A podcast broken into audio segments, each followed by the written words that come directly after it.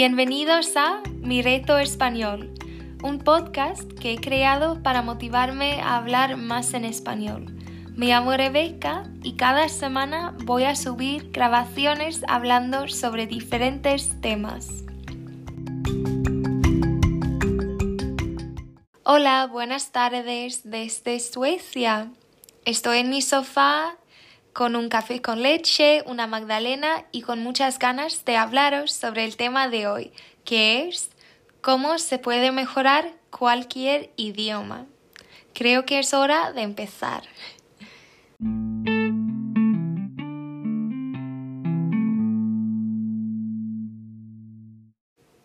Pues hoy entonces os voy a compartir mis cinco mejores consejos a la hora de mejorar un idioma. Y antes de empezar, solo quiero agregar que estoy estudiando para ser profesora de español e inglés. Entonces, esto de los idiomas y el cómo se puede mejorar cualquier idioma es algo que me, me apasiona y yo diría, es algo que realmente me gusta mucho. Y tengo mucha curiosidad Em, sobre esto. Y yo diría, como llevo bastante tiempo, varios, varios años aprendiendo español y sigo aprendiendo, yo diría que he, acumulado ahora algunos consejos que tal vez os puedan servir. Entonces, em, he hecho esta lista según mis experiencias personales. La primera cosa que os voy a compartir, el primer tip, es hacer un contrato. Ahora, antes de que te vayas corriendo, em, no te preocupes, esto no tiene que ver con ninguna ley, ni la policía, ni nada así. Mm, Puedes considerar esto como un contrato más bien de idiomas, un contrato de español o de inglés o de italiano, el, idioma que sea. Em, y la idea de hacer un contrato de este tipo em, me introdujeron por la primera vez cuando entré en la universidad aquí en Suecia cuando tenía a lo mejor unos 20 años em, y comencé mis estudios para ser profesora de español, em, nos hicieron hacer un contrato, un contrato de español. Entonces nos tuvimos que sentar y pensar primero en nuestros objetivos del idioma. Em, tal vez podría ser poder ver un documental entero de español o hablar con un nativo y no sentirse avergonzado, por ejemplo, algo así, ¿no? Em, y aquí uno puede ser súper creativo o puede ser algo más básico, pero la, idea es em, establecer unos objetivos, em, ¿no? Unos sueños. Y luego, eh, a, partir de eso, ahora vendrá lo importante y es pensar en cómo se puede llegar a eso. ¿Cómo podemos alcanzar esos sueños que tenemos, esos objetivos, nuestras metas? Y ahora em, te aconsejo que seas un poco más concreto, aunque a mí me encanta lo abstracto, me gusta mucho pensar en ideas bastante, bueno, grandes, ¿no? Y analizar, pero para esto yo creo que te va a ayudar si, si, si puedes ser un poco más concreto y pensar en los detalles y en qué cosas específicas puedes hacer, para llegar a tus objetivos. Por ejemplo, en vez de escribir en tu contrato, voy a estudiar español dos veces a la semana, puedes hacerlo un poco más específico. Por ejemplo, eh, quiero leer dos páginas de un libro español o de cualquier idioma em, un día eh, de la semana y otro día quiero escribir em, una página de sobre tu día o lo que sea, cosas más concretas. También podría ser, quiero ver un episodio eh, en Netflix eh, de una serie en el idioma que quieras aprender. O quiero tener una conversación con un nativo, o quiero em, intentar pensar en el idioma al menos durante un minuto, cosas así. Y cuando tienes, cuando tengas eh, esas cosas en tu lista, em, vas a intentar pues seguir tu contrato y tenerlo en cuenta como a fondo casi, ¿no? Em, cuando tú pues estás viviendo tu vida, digamos, trabajando, hablando con tus amigos, haciendo tus cosas, em,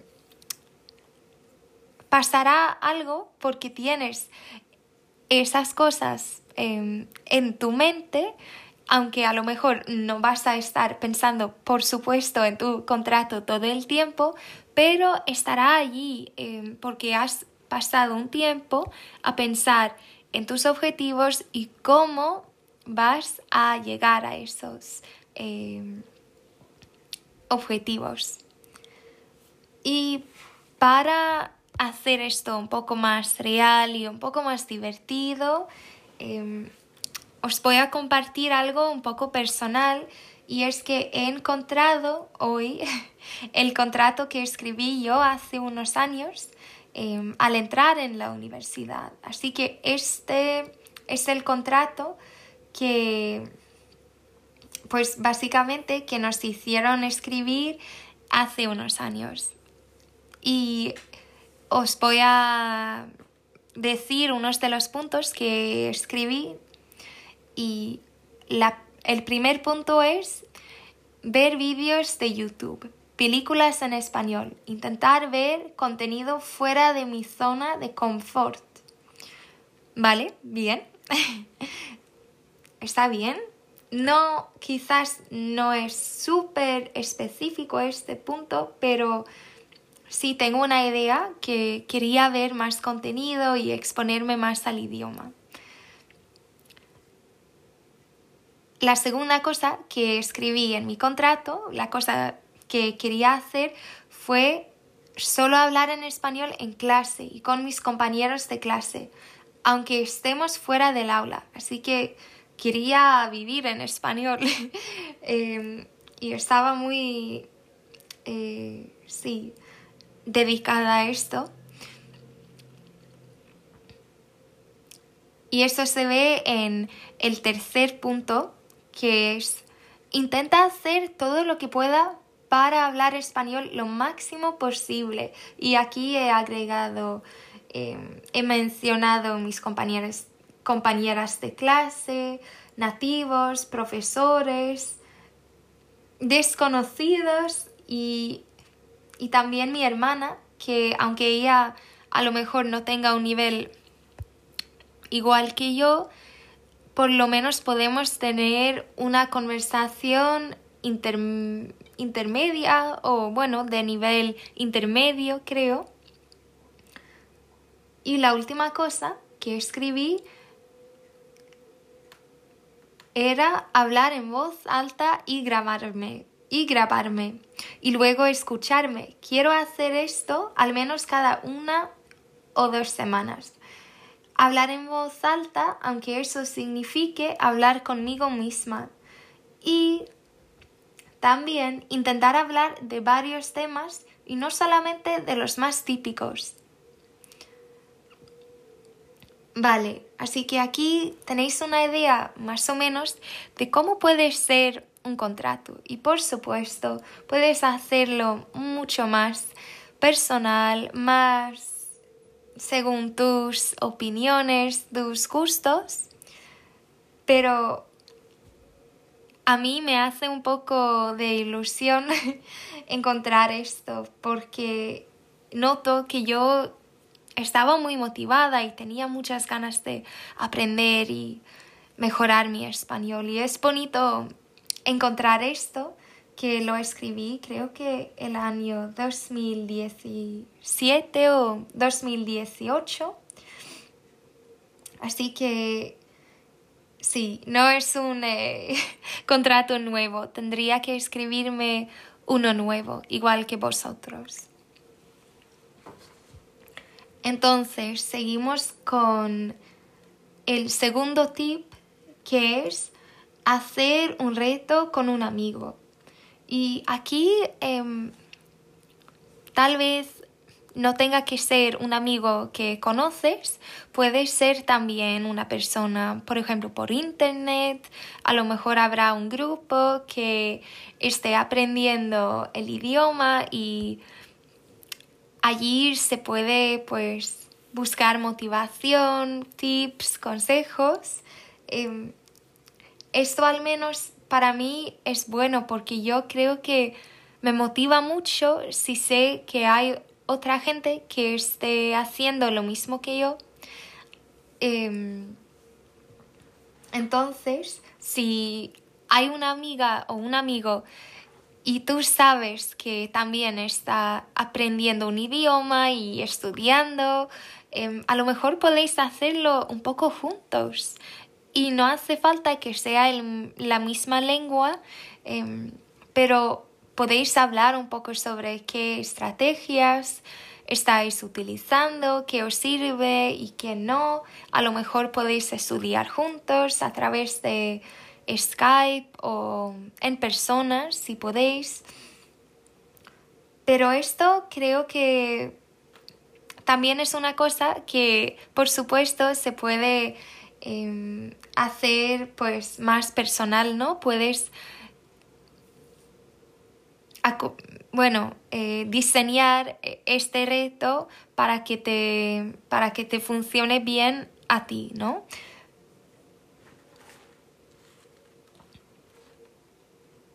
Entonces, em, seguimos con el tercer punto, que es, es empezar en la mañana. ¿Y qué quiero decir con esto? Empezar en la mañana. Sí, em, es fácil em, empezar en la mañana y punto. Yo creo que con muchas cosas es recomendable o es bastante bueno al menos empezar lo antes posible. Y estoy consciente de que haya personas a las a las que se les da mejor trabajar por las tardes o por la noche, pero yo creo, eh, y eso por supuesto está muy bien, pero yo creo que si hay algo que, que tú sabes que necesitas pues enfocarte en ello, Em, y a lo mejor ya tienes muchas cosas y estás como buscando tiempo y ves que wow, hay un hueco allí, pero no sé si me dará tiempo a hacerlo, mejor pues hacerlo otro día, pues te recomiendo que pruebas, perdón, te recomiendo que pruebes a hacerlo por la mañana. A lo mejor te puedes dedicar unos minutos a leer o a escuchar un podcast o a escribir una entrada en tu diario, por ejemplo, en el idioma que quieras aprender. O si quieres estudiar de forma más tradicional, también podrías hacer unos ejercicios o conjugar unos verbos o buscar unas palabras que quieras aprender. Tal vez si estás leyendo un libro, unas páginas de un libro y, y encuentras unas nuevas palabras, podrás pues apuntar esas palabras y aprenderlas y eso sería una manera de aprender y mejorar el idioma. Em, y al empezar eh, lo antes posible, entonces pues en las mañanas em, es casi como el ejercicio, ¿no? Porque sabes que ya lo has hecho y puede que hagas más, pero al menos has hecho un poco y tienes ya un hábito, ¿no? Estás creando un hábito y así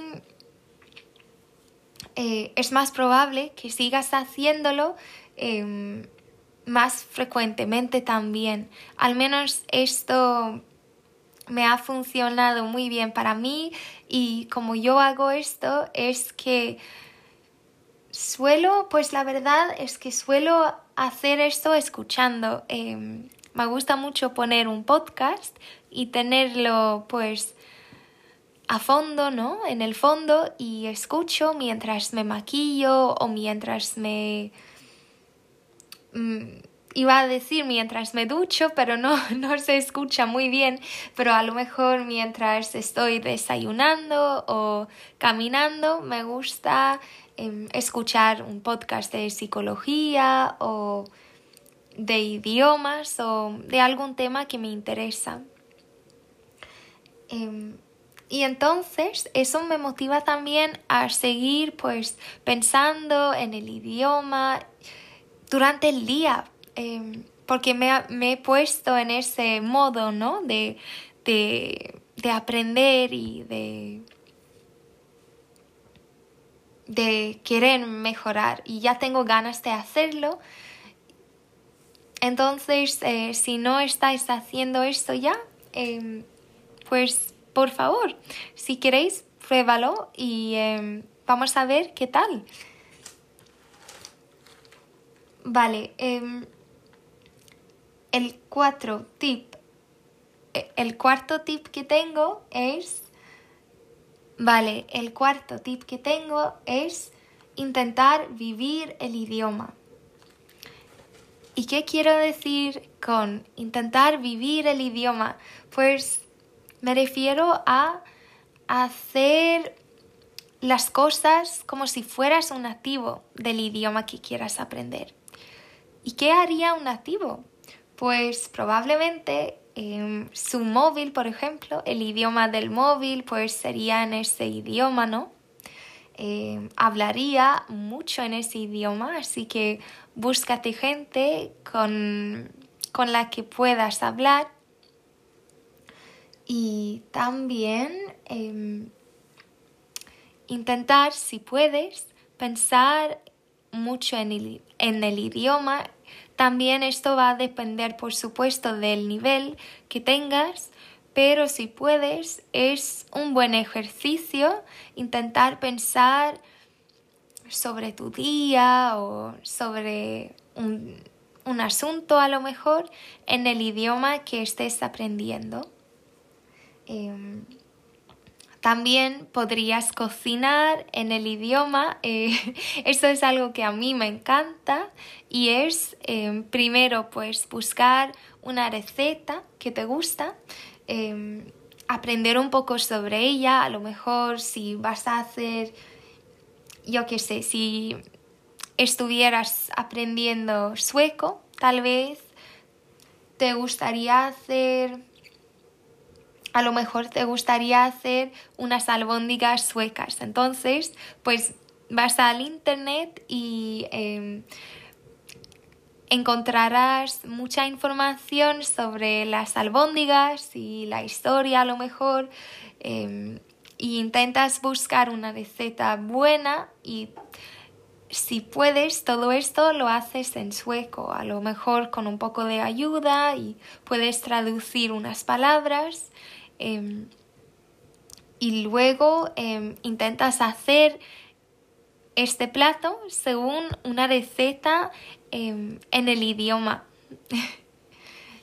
y a lo mejor suena un poco, no sé, ambicioso, pero en mi opinión es muy bueno. y yo lo hago bastante a menudo. A mí me encanta escuchar pues podcasts sobre la comida, hablan sobre restaurantes y platos típicos de diferentes países.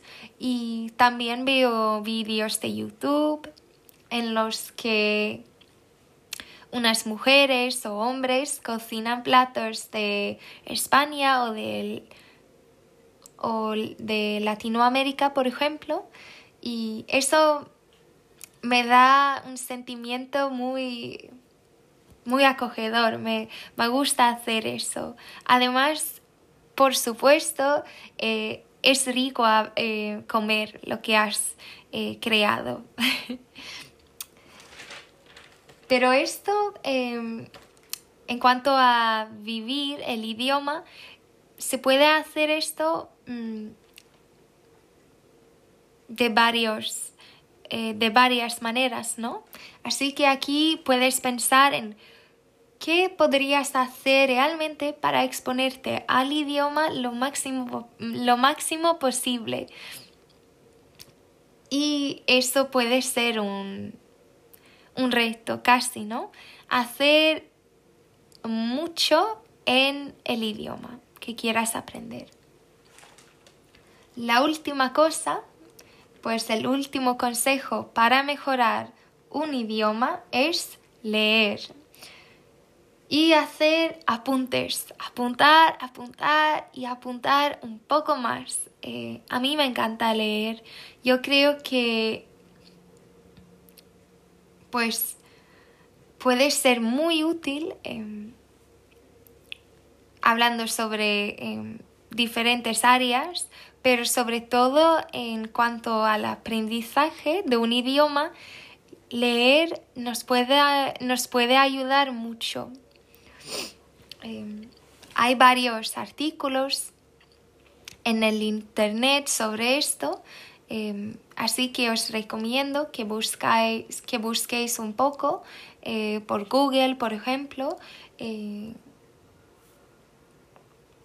sobre libros que os puedan ayudar, por ejemplo, según vuestro nivel, pero también os recomiendo que leáis artículos, em, hay muchos blogs, hay foros también em, que nos puedan ayudar mucho. Y en cuanto a este tip, yo creo que si puedes, em, estaría muy, muy bien intentar leer algunas veces a la semana y si puedes cada día. Pero sé que esto podría ser un poco difícil, pero unas veces a la semana ya estaría muy bien. No hace falta que sea muchísimo. Como dije, puede ser eh, un texto cortito o si quieres puedes a lo mejor ir a la biblioteca y ver si tienen libros del idioma allí que quieras aprender. Em, también hoy día hay muchos recursos online y yo a veces em, pues o voy a la biblioteca o quizás compro algo por Amazon em, o de vez en cuando también leo artículos por internet que también noto que me ayudan. Y aquí em, he de agregar eh, lo que os dije sobre los apuntes. Creo que es bueno leer, pero si haces esto junto con el ejercicio de tomar apuntes y prestar atención a lo que estás leyendo, eso te va a ayudar. Y no estoy diciendo que tengas que traducir todo lo que leas, no, em, de hecho creo que a veces nos ayuda leer y, e intentar averiguar lo que estamos leyendo sin tener que buscar o conocer cada palabra porque nuestros cerebros son muy inteligentes y pueden eh, entender mucho sin tener que saberlo todo. Sobre esto es un tema que de la que, bueno, es un tema del que podría hablar durante mucho tiempo. Vale chicos, espero que os hayáis gustado mucho aprender un poco más sobre cómo podemos mejorar cualquier idioma y espero que algunos de estos tips os sirvan. Em, a mí al menos me ha gustado mucho hablar sobre esto y la verdad es que podría hablar sobre este tema durante mucho tiempo.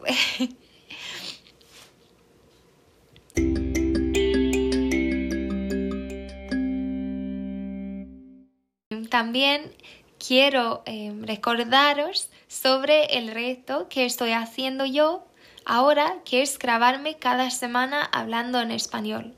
Tú también lo puedes hacer en casa grabándote en el idioma que estés aprendiendo o el idioma que quieras aprender, por supuesto. Y no hace falta que sea una larga grabación o muy avanzada. Em, la idea es grabarte hablando sobre cualquier tema, como yo he hecho hoy, por ejemplo. si quieres, pues te recomiendo que lo hagas y que te atrevas a grabarte tú también. Em, nos vemos la semana que viene y espero que tengas una semana increíble. Saludos desde Suecia. Chao.